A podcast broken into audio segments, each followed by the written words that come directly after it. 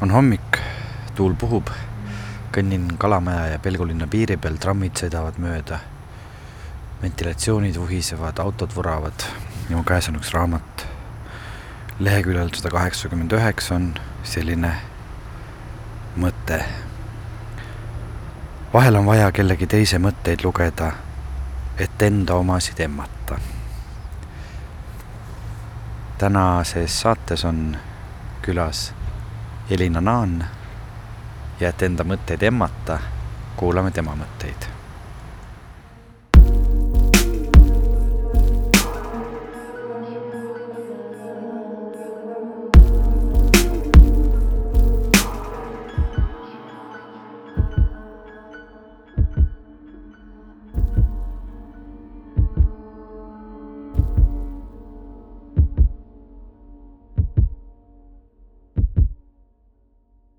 Tere, head kuulajad, me oleme jõudnud oma kolmanda saateni ja mul on väga suur rõõm enda kõrval tervitada inimest, kellega ma olen siin juba istunud kaks saadet.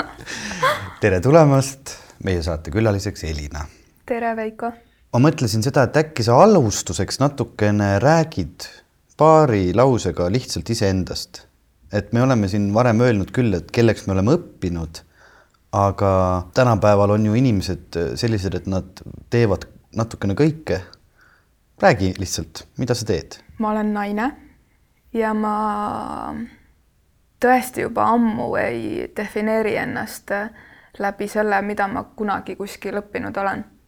nii et äh, mida ma praegu teen, on see, et, et mul on oma Kuuruumi nimeline bränd, mis on siis inspireeritud äh, teetraditsioonist ja, ja Eesti loodusest niimoodi üldiselt öeldes ja tee traditsioonist on ta seepärast inspireeritud, et mina olen inspireeritud teest. tee, taim, siis nagu tee-tee, Camellia sinensis tuli minu ellu aastal kaks tuhat kaksteist, kui ma olin äh, seitse aastat Eesti Televisioonis äh, režissöörina töötanud ja see tõesti juhtus väga juhuslikult, et ma läksin lihtsalt äh, teepoodi sõbrale teekausse ostma ja ootamatult jäin sinna kauemaks see on üks selline lugu, mida ma tegelikult olen nii ajakirjanduses kui, kui kuskil veel korduvalt rääkinud, kui keegi on küsinud, kuidas, kuidas see tee on alguse saanud. aga see on selline tore lugu jah, et siis ma jäin sinna poodi kauemaks ja ja kui ma sealt ära hakkasin minema, siis mult küsiti, et aa, et tead, et me otsime siin kedagi endale tööle teepoodi, et kas sa tead kedagi juhuslikult. ja minu toonasesse maailma nii-öelda selline klienditeenindaja roll kuidagi üldse ei passinud, lihtsalt minu nagu sellise, see, kus ma oma arengus olin, ma ei osanud näha ennast äh, nii-öelda teenindajana, sest et režissööri amet on ikkagi selline, et sa paned tiimi kokku, võtad vastutuse, jagad, äh, jagad ülesanded, sul on visioon ja teised aitavad seda täita. selline mingis mõttes kuidagi vastupidine ühe poetöötaja ametile võib-olla, no mis vastupidine, erinevad nüansid. Ja ma mäletan seda hetke seal teepoes, kui mul küsiti et kas ma tean kedagi, et ma justkui vaatasin ennast kõrvalt ja siis see, see Elina toona ütles, et äkki mina. ma mõtlesin, et appi, ta just pakkus ennast aga nii see läks, et äh, siis ma hakkasin igal vabal hetkel ETV-s teepoodi jooksma mm,. alguses õppisin kõike, lugesin palju, vaatasin videosid käisin äh, koolitustel, jõin väga palju erinevaid teesid, et kuidagi nagu haarata seda maailma.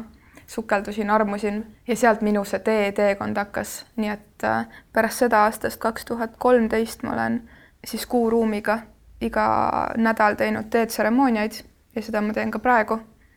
et see on üks minu selline, selline iganädalane tegemine ja ma teen, korraldan ja loon äh, naiste retriite ja laagreid mis on siis kõik sellise kuidagi enda avastamisega seotud.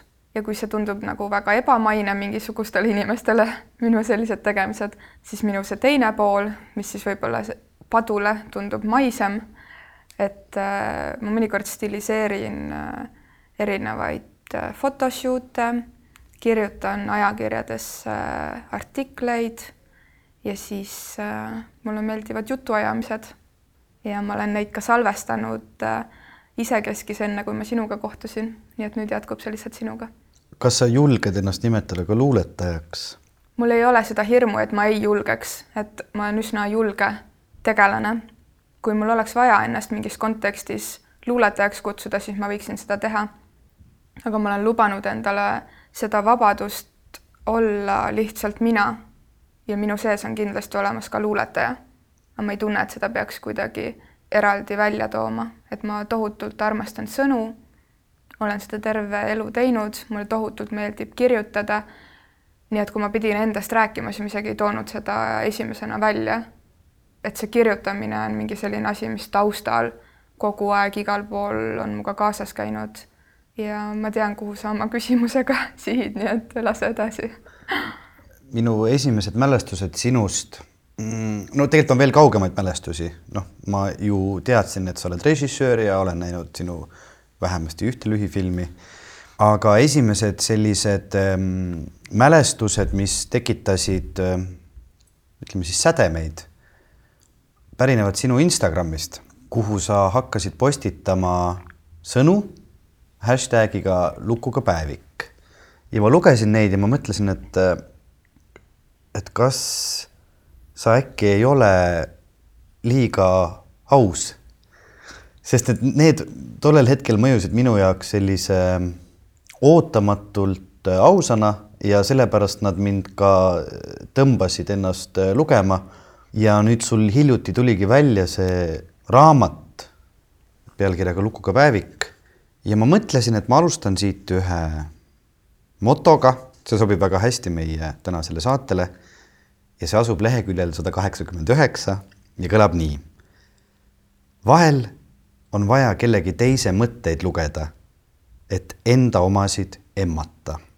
kui ma seda lehekülge lugesin, siis, siis ma sain aru, et see kirjeldab, ma arvan, väga hästi seda meie vestlusi armastusest ja defineerib seda ja annabki selle nii-öelda tähenduse sellele, et miks me seda teeme. inimesed saavad siis kas meid lugeda, meid kuulda ja siis iseenda mõtteid emmata. aga ma alustan selle küsimusega, mille sa ise eelmine kord meile traditsiooniks panid. nii et Elina, mis on sinu esimene mälestus, mis on kuidagi seotud sõnaga armastus? tõesti seadsin selle meile ülesandeks või, või lahendamiseks ise vastuse peale mõtlemata. aga kui mul nüüd on vaja selle peale mõelda, siis ja filtreerimata, ma siis lasen praegu selle välja, mis tuleb. mul tuleb meelde hetk, kui ma lasteaiast äh, läksin koju. Ma arvan, et ma olin viis ja ma olin äh, ahastuses ja küsisin oma emalt, et äh, ema, ma ei tea, kellega ma peaksin abielluma, kas Viljari või Egrisega ja täna, täna on juba see, see lause iseenesest kõlab äh, nii toredalt, sest need ei ole väga levinud äh, härrasmeeste nimed mm. -hmm. Egris ja Viljar. natukene aga, kõlab nagu sa oleks selle kuskilt raamatust välja võtnud. aga päriselt need poisid käisid minu, minuga ühes rühmas lasteaias ja nad mõlemad meeldisid mulle ja mina meeldisin neile mõlemale. ja siis ma praegu lihtsalt mõtlen, et kuna minu ema ei ole kunagi abielus olnud, on ju et kus mul üldse nagu see abielu sõna või see kontseptsioon või et, et mul tekkis nagu nii suur äh, küsimus, mitte et nagu, et, et mulle meeldib tema või mulle meeldib tema, et mis ma teen, on ju, vaid nagu, et kummaga ma nüüd abielluma pean. see on see, mis mul praegu meelde tuli. kas sa mäletad, mis su ema vastas sulle? absoluutselt ei mäleta. üldse, üldse ei mäleta. aga kui sa praegu vaatad sellele viieaastasele iseendale otsa, siis äh, kas sa julgeksid talle öelda, kumma ta peaks valima, kas Viljari või kuidas see teine härrasmees oli? Egris. et kui mina oleksin selles ema rollis, vastaja mm -hmm. rollis. mida sa vastaksid? jaa, võib-olla ma vastaks esimesena, et äh, naerataksin esimesena, siis kallistaksin seda väikest tüdrukut ja siis ütleksin talle, et et, et ükskõik kui väiksed või suured küsimused sul elus ees seisavad, siis kuula oma südant ja ja teiseks ma kuidagi võib-olla toetaksin ja, ja uuriksin, et mis nii suure küsimuse ta mõtetesse toonud on. ja siis kuidagi võib-olla mahedalt lisaks sinna juurde, et viieaastastel on veel aega äh, nii suurte otsusteni. aga sa mäletad seda, kui sa olid viieaastane, et mismoodi sa said aru sõnast armastus ja kuidas see siis on ajas muutunud sinu jaoks kuni praeguse hetkeni välja, kui sa juba oled kolmkümmend kolm. tead, ma mõtlengi, et, et nüüd, kui see lukuga päevik ilmus, on ju, neliteist veebruar kaks tuhat kaheksateist, et äh, ma olen ka avalikult öelnud, et äh, mul on olnud teismelise east saadik äh, füüsilise lukuga päevik kunagi, kuhu ma olen kirjutanud oma mõtteid. ja ma tõesti üle kümne aasta, rohkem veel, ei ole julenud seda avada ja nüüd lukuga päeviku ilmumise eel ma tegin seda, ma avasin selle. ja ma olen tohutult palju seal oma igapäevatundeid, mõtteid üles märkides äh, kasutanud sõna armastus ja see kuidagi nagu on äh, äh, ilus ja kentsakas korraga. Et ma ei tea, mida üks selline viisteist pluss miinus, mul isegi on nagu üks osa sellest on niisugune nagu üksteist, kaksteist, kolmteist vanus. et kuidas üks tüdruk äh, armastust tajus. et mul on tunne, et ma kuidagi selle sõna armastus sidusin ikkagi nagu sümpaatiatega, meeldimistega ja siis sellise suure tunde positiivse otsaga. ehk et kui minu sees oli mingi suur tunne ja siis selle, see positiivne ots, et ma olen seda nimetanud armastuseks ja see on väga, tõesti, ma ütlesin juba see sõna kentsakas, aga väga kuidagi veider ja huvitav tagasi vaadata. ja siis see teine, teine ots, mida ma näen sealt kuskilt teismelisest Äh, oli mingisugune vihkamine ehk et sõna vihkama ja ma arvan, et äh, et kõige suurem muutus on, on minu elu jooksul toimunud hoopis selles otsas, sest et sõna armastus ma kasutan ikka edasi, aga ma arvan, et selline tunne nagu vihkamine, ma ei ole üle kümne aasta mitte midagi vihanud või, või kuidagi kasutanud sõna vihkamine. Et ma olen kodeerinud lahti, et mida ma siis tunnen ja leidnud, et see on midagi muud, aga kui ma, kui ma kuulen, et keegi ütleb äh, ükskõik äh, mille kohta, et ma vihkan seda, siis mul käib kehast mingisugune niisugune nagu lõige või jutt läbi, sest et ma üldse, üldse ei kasuta sellist sõna. aga kuidas inimene võiks selleni jõuda, et ta ei kasutaks seda sõna? kas, kas sul tundub, et see on hea, et ei kasuta või? ma arvan küll mm.. no. või et ta vähemalt saab aru, et ta vähemalt saab aru, et kust see tuleb ja miks see tuleb mm. -hmm. see ongi see kõlab nagu võib-olla nii lihtsalt või labaselt või esolt või mis iganes, et et see on töö iseendaga või nagu iseenda tundma õppimine. ja, ja mul on tunne, et tihtipeale see etapp jääb inimestel äh, kasvamises kuidagi tegemata või seda tehakse nii hilja, et nagu sa oled mingisuguses muus kettas, lasteaed, kool, ülikool ja sealt edasi lähevad erinevad erinevad valikud, erinevad teed, trajektoorid, aga kuidagi see aeg iseenda tundmaõppimiseks äh, tuleb äh, sunduslikult kolmkümmend pluss aastatel peale. et minu meelest äh, ühiskonna ja inimese tervise huvides oleks hästi mõnus, kui see toimuks varem. aga samas igalühel on oma aeg, nii et ma usaldan ka väga sellist eluajastust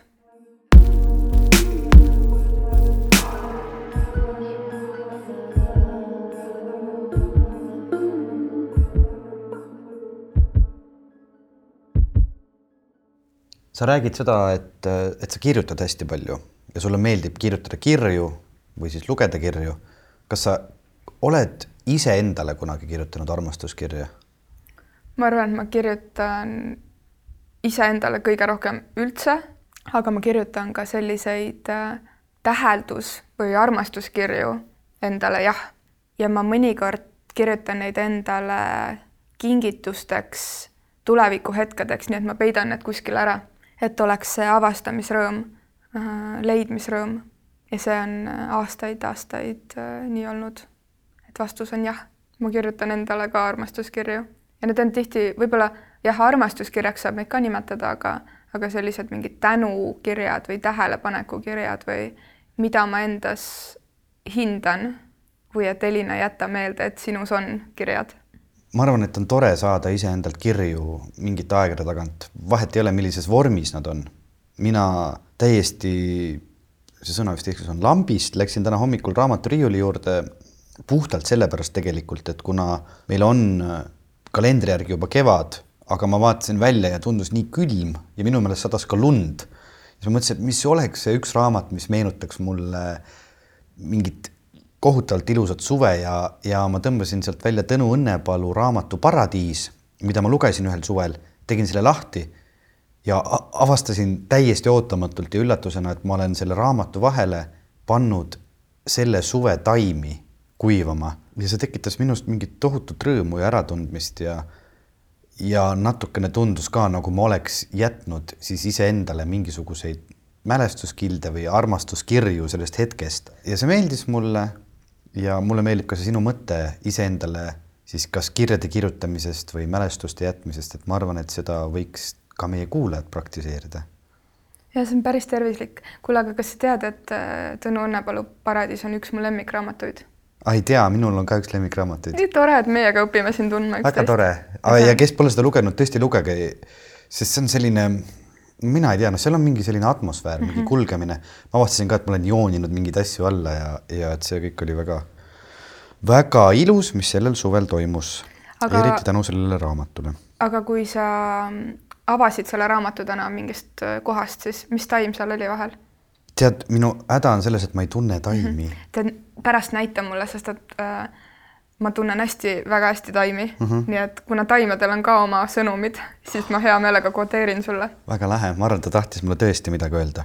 aga kui me räägime juba raamatutest ja kirjandusest, siis mis sina arvad, kas, kas, kas selline kirjanduslik armastus, mida me loeme raamatutest, et kas see on nagu selline pelgalt nagu kasutame sõna siis lohutav fiktsioon mis aitab meil taluda elu tegeliku armastuse vaesust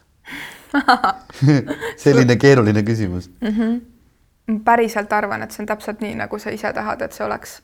jah, see vastus annab nii-öelda kõikvõimalikkuse, aga päriselt ka, et, et mulle üldse, hüppan kohe siin laiemaks, üldse tundub, et elus on, on kõik täpselt nii, nagu me ise valime.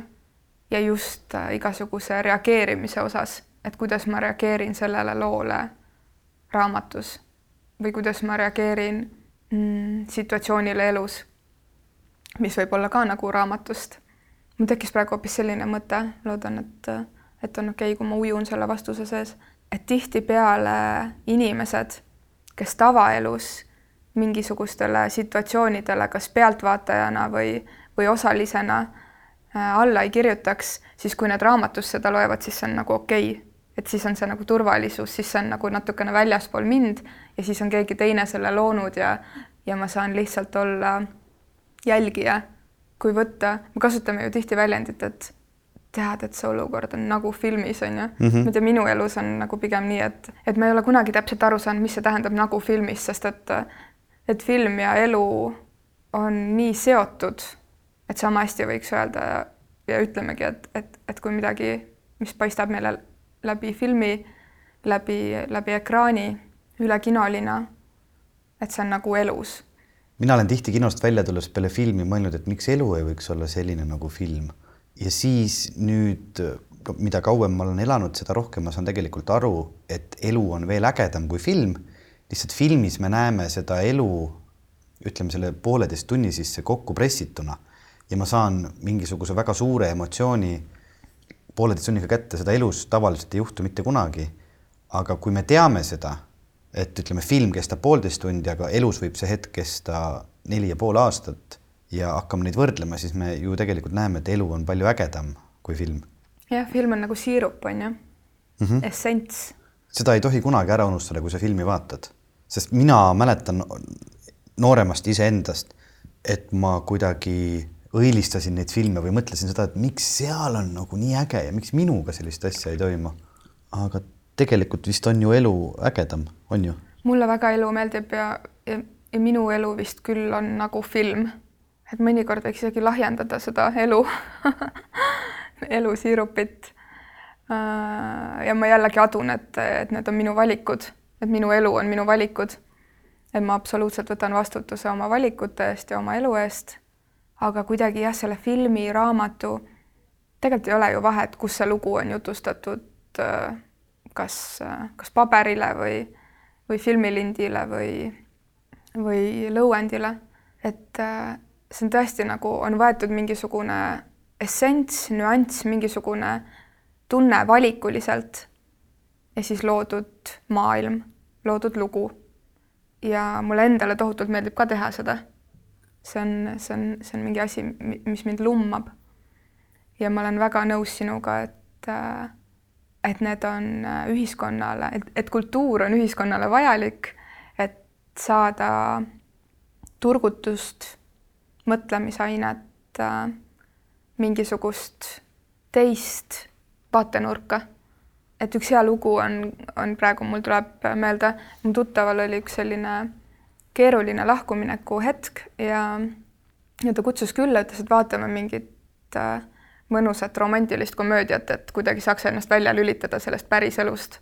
ma ütlesin loomulikult on ju, siis võtsime seal mingid koogid ja joogid ja, ja niisugune nagu mõnnamine on ju. ja vaatame seda filmi ja juba, juba ongi tunne on ju, et elu ongi parem temal, kellel siis toona päriselus oli justkui nii-öelda raske on ju. Ja filmi lõpuks oli tal tunne, et tegelikult ikka on ikka väga hästi ja nii, sest et nagu seal filmis oli hästi ja siis kestab nagu see filmi fluidum on ju, hoiab sind mõnda aega, et mõnikord see hoiab nagu paar tundi pärast filmi veel, mõnikord see hoiab paar päeva. ja siis sa kuidagi nagu saad aru, et, et see oli ikkagi selle filmi lugu tegelikult, et sinu elu jätkub ikkagi sellisena, nagu see on ja sa pead otsa vaatama oma elu, ma ei tea, pööristele või, või vaikusele. et äh, mingis mõttes on see filmi sukeldumine ka alati kahe otsaga, et me saame sealt mingisugust lohutust ja mõnikord see lohutus on fiktiivne nagu filmgi. minul on äh, tihti, kui ma näen mõnda head filmi, mis räägib armastusest, siis see tekitab must nagu sellise tõuke või, või vajaduse. me oleme mõlemad näinud seda filmi ju see, mis see viimati oli, see hea film, mis kinodes jooksis mm? -hmm. Call me by your name. Call me by your name, siis ma tulin küll pärast kinost välja ja mõtlesin, et vot nüüd maailm, oota sa et, et, et, et see kultuur ja film ja kino ja kirjandus, eks ta ole ju hea küll, eks ole, meil on seda vaja. ja sina ju kirjutad luuletusi ka lisaks sellele kõigele, see on muideks väga põnev, et asjad kõlksuvad kokku, sest et kui ma tegin täna hommikul lahti sinu luulekogu lukuga Päevik, siis täiesti suvalise koha pealt sa ei kujuta ette, mis ma hakkasin põhimõtteliselt naerma sest et eh, nagu me rääkisime eelmises saates ühest teemast, oli see siin täpselt kirjas. hunt sai kirja, oled armastatud, sinu, sinu kuu, kuu.. nii et eh, ma nüüd paluksin, et me räägiksime sellel teemal, sest et eelmine kord me kuulasime minu arvamust hundist, kes ulub kuu poole. Ja mis mõtted üldse sellega seoses tekivad ja kas see ulumine on hea või ta on halb või mis see meile annab ja mida teha olukorras, kui on vastamata armastus? vastamata armastus on äh, valik jälle ja vastamata armastus on otsus. ja vastamata armastus on armastus ka. armastus iseenda vastu aus olla. minu jaoks on, on siis kas armastus, armumine, vastamata armastus, metsa sõit uue auto ostmine, teetseremoonia, sõpradega kinno minek, üksinda kinno minek, lennupiletite ostmine, et need kõik on valikud ja need kõik moodustavad kokku elu. ma saan aru, et üks teema justkui on suurem kui teine ja, ja, ja mõni on lihtsalt nüanss, aga elu ongi kokku seatud kõigest sellest nendest väikestest nöpsudest, suurtest võib-olla teemadest, mis kuidagi valguvad äh, taustale ja ma ei tea, maalivad niisuguse nagu fooni ja siis seal on need nöpsud, need väiksed hetked, kui kui sa lihtsalt jalutad tänaval, keegi läheb mööda ja näiteks aevastab. Ja see on lihtsalt äh, üks hetk, aga see on ka valik, sest et ma valisin kasutada seda tänavat ja valisin kõndida sellel pool teed kus mul oli võimalik kohtuda selle aevastusega. et samamoodi on äh, näiteks vastamata armastusega, ükskõik kummal pool me seisame, kas sealpool, kus me ise ei vasta või sealpool, kus me justkui ootame vastust. et, et mulle meeldib mõelda ja ma alati jätan äh, võimalikkuse äh, vaadelda seda kui muinasjuttu, mitte ei suru seda enda mingisuguse tarkusena peale, et kõik inimesed, kes meie ellu satuvad satuvad, teen siin niisuguseid kätega jutumärke, et me ise oleme need inimesed oma ellu kutsunud, et midagi õppida, et kuidagi kasvada, et, et saada veel rohkem iseendaks. ja kui me oleme valinud kutsuda oma ellu sellise inimese, keda me kuidagi oleme valinud hakata armastama ja see inimene võib-olla ei vasta täpselt nii, nagu me, nagu on meie ootused, siis me oleme millegipärast selle kogemuse oma ellu kutsunud. et mul on kuidagi vaja aru saada, et mina olen ikkagi täpselt sama väärtuslik, isegi kui see inimene mulle ei vasta oma armastusega nii, nagu ma loodaks, sooviks. miks ma üldse tahan, et mind armastaks selline inimene, kes mind vabatahtlikult ei armasta või kui see olukord on teistpidi, et keegi armub minusse ja mul ei ole talle midagi anda, et ma olen täpselt samamoodi kutsunud selle olukorra, korra oma ellu, et kuidas ma lahendan selle olukorra. et me saame alati olla kuidagi külmad, ebaviisakad, me saame vaikida, me saame selja pöörata. ja kui me kõike seda teeme, siis meil on üks õppetund ja teine pool on see, et me võime alati toetada seda inimest või kuidagi selgitada talle oma poolt, kui ta tahab kuulda ja me saame alati ka valetada või ausaks jääda. Et, et need kõik on tõesti õppetunnid ja ma absoluutselt adun, et et nende õppetundide sees on reaalsed füüsilised tunded, mis mõnikord on ängist kuni, kuni eufooriani ja mingisugusel tavalise päeva väga tavalisel hetkel, erilise päeva erilisel hetkel tekitavadki olukordi, kus pole und või ei suuda mitte midagi teha, sest su mõtted on ainult sellel ühel isikul või ühel teemal. Kõik tundub kuidagi lootusetu. see looming, millega sa tegelenud oled, oled, ei voola su seest enam välja. sa võib-olla ei taha oma tööasju teha. täpselt samamoodi kogeme me mingeid hetki, kus looming tulvab meist välja, kus me tahame kõike veel rohkem teha. mul on tunne, et kui me kõiki neid tundeid ei tunneks, ma ei tea kas see siis olekski elu?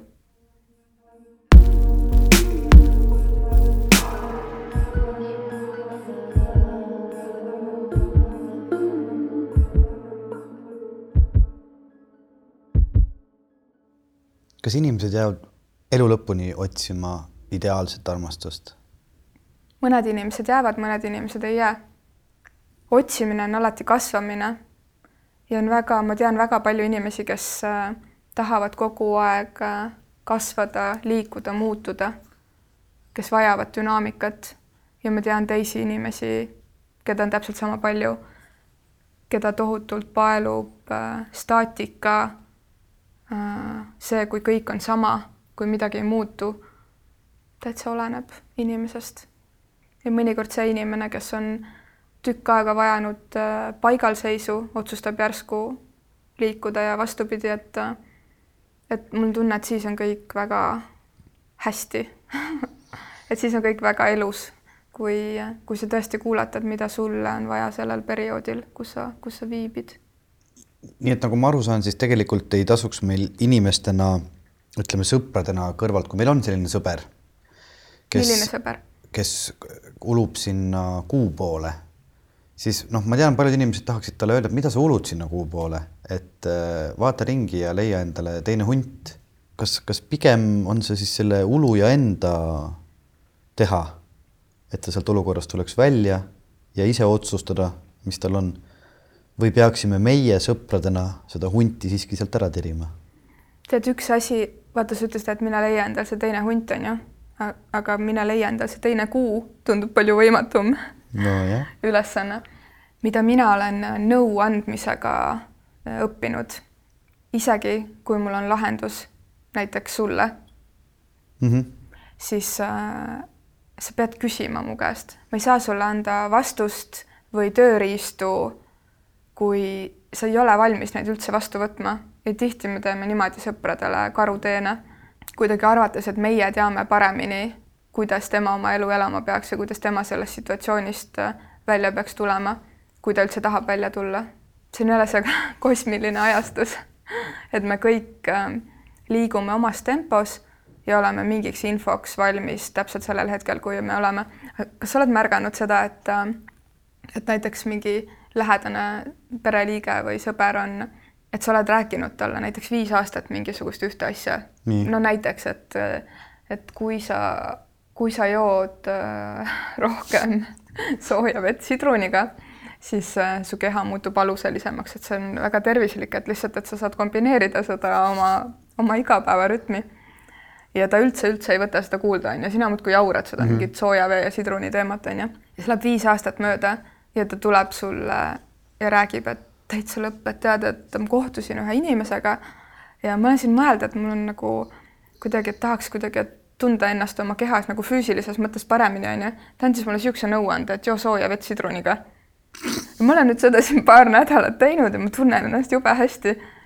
ja siis sul on see koht, et jep, jep, ma olen rääkinud nagu, ma ei tea, aastaid sulle seda, ta ei kuule seda nagu sellel hetkel, isegi kui keegi korrutab mingit asja ja me kuuleme, sedasama asja, mida keegi on korrutanud kuskil muus situatsioonis mingilt teiselt inimeselt sest et me oleme valmis selleks infoks, sellepärast et ähm, et täpselt see inimene on tulnud meile seda infot tooma ja sa ei saa nagu solvuda, et oo oh,, et minult ta seda kuulda ei võtnud, aga nüüd ta siis kuuleb, on ju.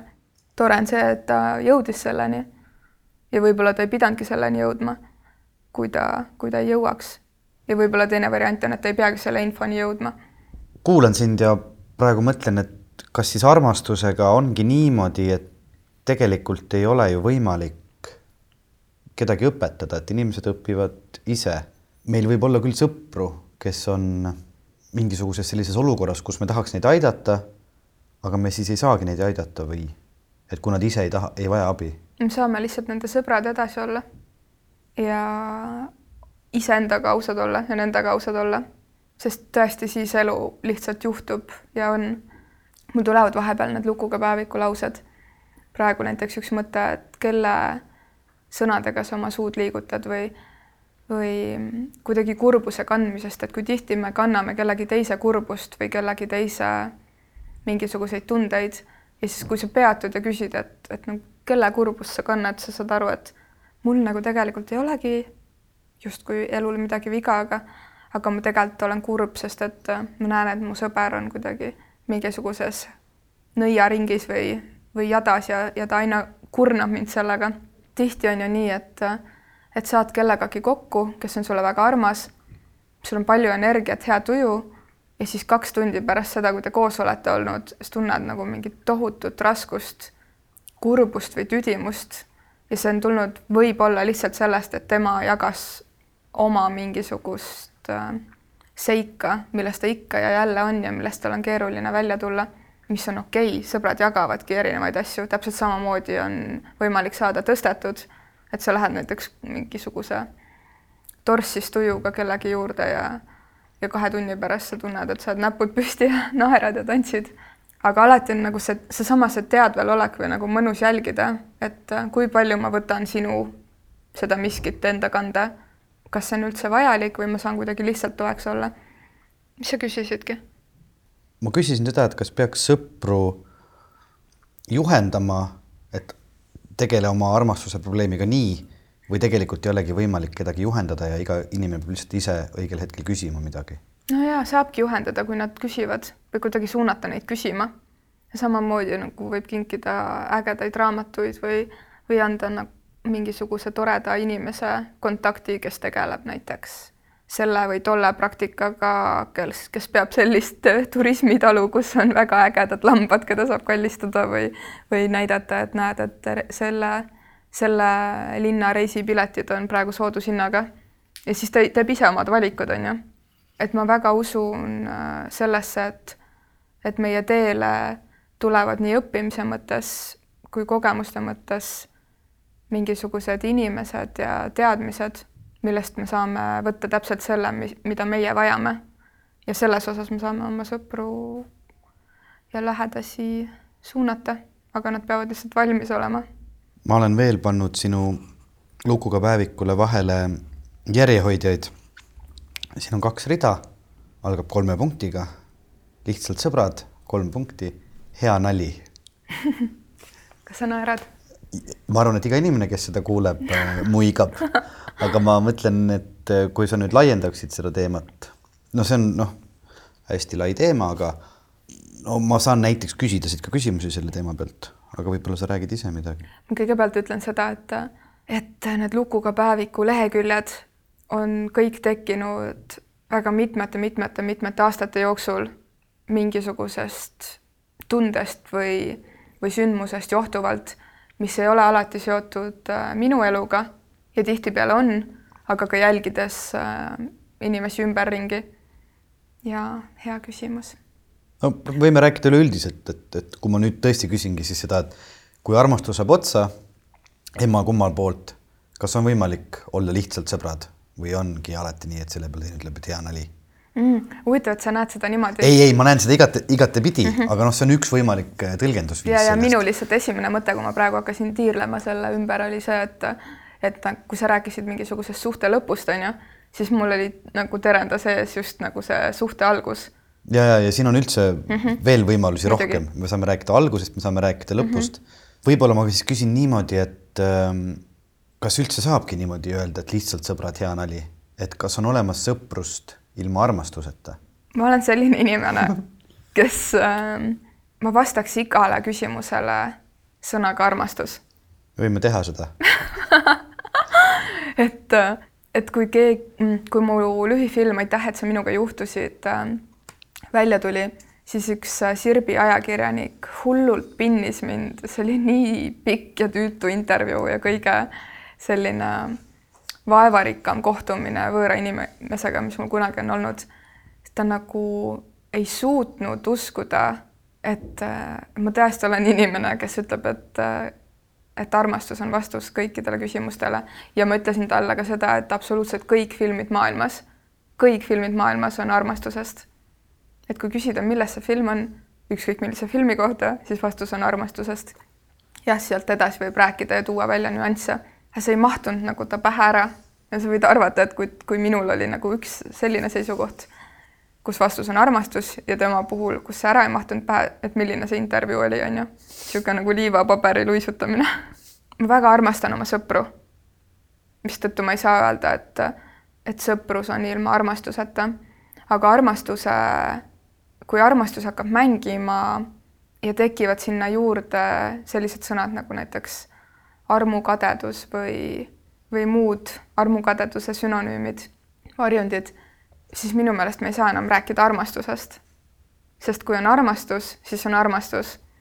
ja kui sinna tulevad juurde agad siis see pole enam armastus. et siis me kas veel ei oska armastada või enam ei armasta ah,. nii et äh, head sõbrad, ei, kuidas kuidas mul oli see seal mis ma kirjutasin? mis see lause oli? jah. lihtsalt sõbrad, hea nali mm. -hmm. ma vist usun jah sellesse, et ikka hea nali, et lihtsalt sõpru pole olemas. et seal on alati midagi veel, isegi kui on lihtsalt sõbrad mõnikord on kasvõi hea nali veel.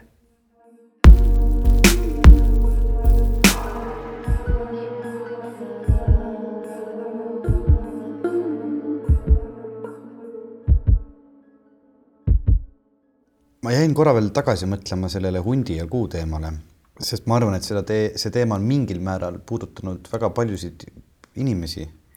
aga too siia see laiend ka, kui keegi pole eelmist saadet kuulnud mida me selle all mõtlesime? see ja selle laiendi nimi on see, et kuulake nüüd eelmist saadet, siis te saate aru, millest me mõtlesime. aga, aga see vastamata armastuse teema, tulles korraks selle juurde tagasi, et me siis räägime hundist ja kuust ja kuu, kes ei vasta hundi armastusele ja hunt on sellesse kuusse väga armunud. ma lihtsalt äh, tuli siit üks mõte, ma ei tea, kas sa nõustud sellega või mitte. kas on nii, et ühest armastusest ütleme, ja see hunt isegi teab, et ta tahab sealt välja pääseda, aga ta ei pääse välja, toob välja ainult teine armastus. või on niimoodi, et hunt ikkagi üks hetk saab aru, enam ei armasta kuud ja elabki elu lõpuni armastuseta. aga siis on see variant, mida mina kuidagi tunnen ja see on äh, üks parimaid küsimusi, mis mu käest on viimaste kuude jooksul küsitud päriselt ja see on hästi oluline küsimus ja hästi oluline vastus, mille ma olen enda jaoks äh, võib-olla alles hiljuti avastanud ja nagu selgeks teinud endale. et kas ma saan aru, et sinu mõte tiirleb ümber selle, et on olnud armastus ja siis see on otsa saanud? Mina mõtlesin niimoodi, et, et ma armastan kedagi nii väga mm, -hmm. kes mind ei armasta mm -hmm. ja ma tean seda mm -hmm. ja ma tahaks sealt välja tulla, aga ma ei saa tulla, sest ma armastan teda nii väga mm. -hmm. kas mind päästab sealt ainult armastus või vaata, armastus on äh, vabaks andmine. kui sa ei anna seda kuud vabaks, siis minu silmis sa ei armasta. see võib kõlada väga resoluutselt kuidagi, aga ma tõesti nii tunnen, et armastus on vabaks andmine, sest armastus on vaba valik, mistõttu me ei saa kedagi sundida armastuseks, armastama, armastusest lahti ütlema. ma ei usu ühest suhtest teise jooksmisesse niimoodi, et need otsad on kattunud. loomulikult seda on meie kõigi eludes olnud ja seda on ühiskonnas nii ja ma tean, kui lihtne on äh, armuda ja selle uue armumise pinnalt äh, kõik need endorfiinid ja eufooria, selle pinnalt lihtsalt liikuda edasi ja, ja võib-olla jätta midagi kuskile. aga see, kuhu see tavaliselt viib, on lihtsalt seesama muster, mida võib-olla keegi alles hakkab looma või on siis elu jooksul korranud. minu meelest on hästi tervislik, et kui on tunne, et nüüd on see miski, mis on olnud läbi, on väga tervislik võtta mingisugune aeg ja tunnetada ennast selles kohas, kus okei okay,, ma ütlen praegu nii, et kus armastust justkui ei olegi, et uut armastust pole tulnud, aga tegelikult kogu aeg armastus on, on ju see on nagu inimeseks olemise, olemise laine, see elulaine, mille peal me surfame, armastus. sest mina olengi armastus. Veiko, sina oledki armastus. ja meie kuulaja on? armastus. et me pole kunagi väljaspool armastust. me lihtsalt valime märgata ühte või teist ja minu meelest on tohutult ilus, kui, kui inimesed lähevad niimoodi lahku, et, et nad ütlevad üksteisele aitäh, on olnud imeline reis, ma olen sinult väga palju õppinud ja sellel perioodil mul on olnud vaja õppida just nimelt sinult. ma austan sind ja ma austan ennast nii palju, et ma tunnen, et nüüd on vaja edasi liikuda. ja see koht, kus sa ei liigu edasi otseselt kellegi teise käte vahele on see koht, kus äh, mõnusalt peatuda, vaadata, milline, milline sa oled äh, iseendaga, lihtsalt iseendana, nii et sa ei lase endal uue, uutel armupööristel või kurbuse pööristel või ükskõik millel tõmmata kuskile ja siis luua mingi selline mõnus nullpunkt, kus, kust edasi liikuda õigel hetkel. aga see on lihtsalt äh, üks äh, vaatevinkel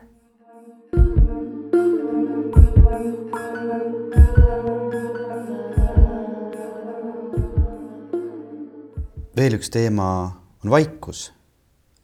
sinul on siin selline ilus mõte, et tähendab, see ei ole ilus mõte, see on tegelikult kurb mõte, et mul pole sinuga millestki vaikida. siit ongi nagu raske küsimust küsida, sest et äh, vaikus on vahel nii ilus, et äh, mul tunne, et inimesed ei hinda seda vaikust äkki või, või ei saa aru sellest või? minu jaoks on ka vaikus kõikvõimalikkus ja see vaikuse kõla või summutatus oleneb sellest, kus me parasjagu omadega oleme. et kui me oleme mingisuguses hapras augus, siis vaikus on tihtipeale kõrvulukustav. ja kui me oleme mingisuguses rõõmus ja kasvamises, siis, siis vaikus toetab. miks inimestel on vaikust tihtipeale raske taluda, on see, et et me ikkagi väga tahame ennast hoida tegevuses, et kogu aeg midagi toimuks, et ma ei jääks iseenda mõtetega üksi, sest see tundub tihtipeale hirmutav. ja minu jaoks on see just kuidagi võluv ja ma näen ka seal nii-öelda neid kohti, kus mul on olnud raske. ja siis ma ikkagi püüan ennast jälle tuua ennast sellesse märkamisse, sellesse vaikuse ilu märkamisse, et inimesel on ju nii iseloomulik tahta kogu aeg seda, mida meil pole.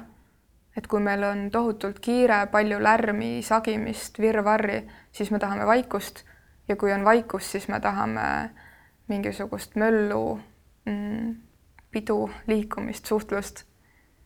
ja kuidagi hinnata lihtsalt seda, mis praegu on, mis on nii johtuvalt minu valikutest, see on võib-olla mingi selline koht, mida kuidagi austada ja emmata. aga sina siis usud, et armastus on kogu aeg olemas? kunagi oli, kui NO teater loodi, siis oli see esimene lavastuse plakat, mis teil linna peal oli. vahel on nii, et elu saab otsa ja. vahel on tunne, et elu saab otsa ja armastust polnudki. ma mäletan, kui ma seda tookord lugesin, siis ma mõtlesin, et et enam õigemini ei saakski keegi öelda mm., et vahel on tõesti selline tunne, et elu saab otsa ja armastust polnudki no kuidas sa täna tunned?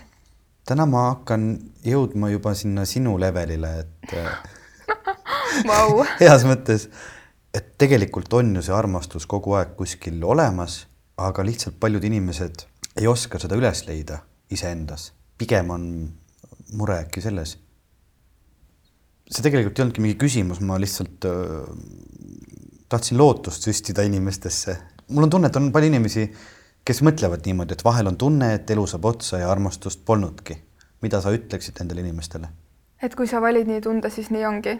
Sorry, palun vabandust tõesti, aga nii ongi, me tõesti kõik loome ise oma reaalsust ja selles äh, lauses ütle see uuesti. vahel on tunne, et elu saab otsa ja armastust polnudki. ma tõmbaksin äh, joone alla sõnale tunne mm, -hmm. sellepärast et äh, tunne on tihti petlik, väga tihti aus, aga tihti petlik, nii et see on okei okay,, kui meil on vahel tunne, et elu saab otsa ja armastust polnudki. täiesti tervislik tunne, mida tunda aga sellesse tundesse ei saa kinni jääda või siis pole väga tervislik seda uskuma jääda. et sealt tekib see küsimus, et kas, kas ma tahan seda tunnet kuidagi, et kas ma tahan sellesse tundesse jääda või hakata looma seda oma reaalsusesse. et ma väga usun manifesteerimisse, universumilt tellimisse ja see on täpselt see koht, kus, kus saab teha valikuid. mul jäi kõlama see, mis sa ütlesid, et see minu level, et sa oled ka juba sellel minu levelil, et ma tead, ma viimasel ajal kohtan inimesi, kes ütlevad mulle seda päris äh, palju. Ja siis ma hästi kiiresti tahan vahele lõigata ja öelda, et, et ma, et, et see pole mitte mingi level, et äh, ma olen lihtsalt täiesti tavaline inimene, maadlen täiesti tavaliste murede ja rõõmudega, armun sisse, armun välja. Äh,, olen kurb, olen äh, tundes, et vahel on tunne, et elu saab otsa ja armastust polnudki. Ja teisel hetkel selle tunde teises otsas aga see võti minu jaoks on lihtsalt see teadvustamine või teadvelolek, et mina ise, ma olen seda nüüd kümme korda öelnud saate jooksul, aga loon enda reaalsust ja loon neid valikuid ja valin, mida tunda. et kuidagi tõesti see vastutuse võtmine enda elu eest ja, ja oma õnne eest, vastutuse võtmine armastuse eest, see on see, mida ma kuidagi tänaseks ise ka uskuma olen hakanud. aga see on teekond. midagi midagi ilusat siia lõpetuseks. ei, nii ma ei saa ka öelda. ma ei saa, ma ei saa öelda, et midagi ilusat siia lõpetuseks, sest me tegelikult oleme terve saade rääkinudki ju ilust ja armastusest ja hetkedest ja inimestest. üks sinu ilus mõte, mille ma leidsin Lukuga päevikust. see, et me pole suutnud kindlaks teha armastuse värvi, annab lootust, et kõik on võimalik. lugesin seda täna hommikul ja naeratasin ja mõtlesin, et mina eelmine kord defineerisin armastust kui värvi. ja tundsin ennast ka selles mõttes ära. aga siia lõppu, kas sa ise tahaksid esitada iseendale küsimuse, millele veel vastata või kellelegi midagi öelda või teha hoopis midagi kolmandat? ma tundsin, et ma alustan seda mõtet äh, vabandamisega ja siis ma sain aru, et Elina, sul pole vaja üldse vabandada, et kuidas see kõlab, mis ma ütlen ma tõesti siis siin kevade hakul soovin, et meie kõik kuulaksime rohkem oma südant ja intuitsiooni, sest et kõik tarkus on meie enda sees olemas. Ja ma soovin, et inimesed rõõmustaksid rohkem ja üle mõtleksid vähem. Ja ma olen avastanud, et äh, hästi mõnus on äh, lubada endale iseendaks olemist. aitäh, Helina, et sa lubasid endaga rääkida, aitäh kuulaja, et sa meid kuulasid, aitäh kuulaja, et sa meile kirjutad, ükskõik millest. me kohtume varsti juba ei tea kus ja ei tea kellega. ja kohtumiseni ükskõik kus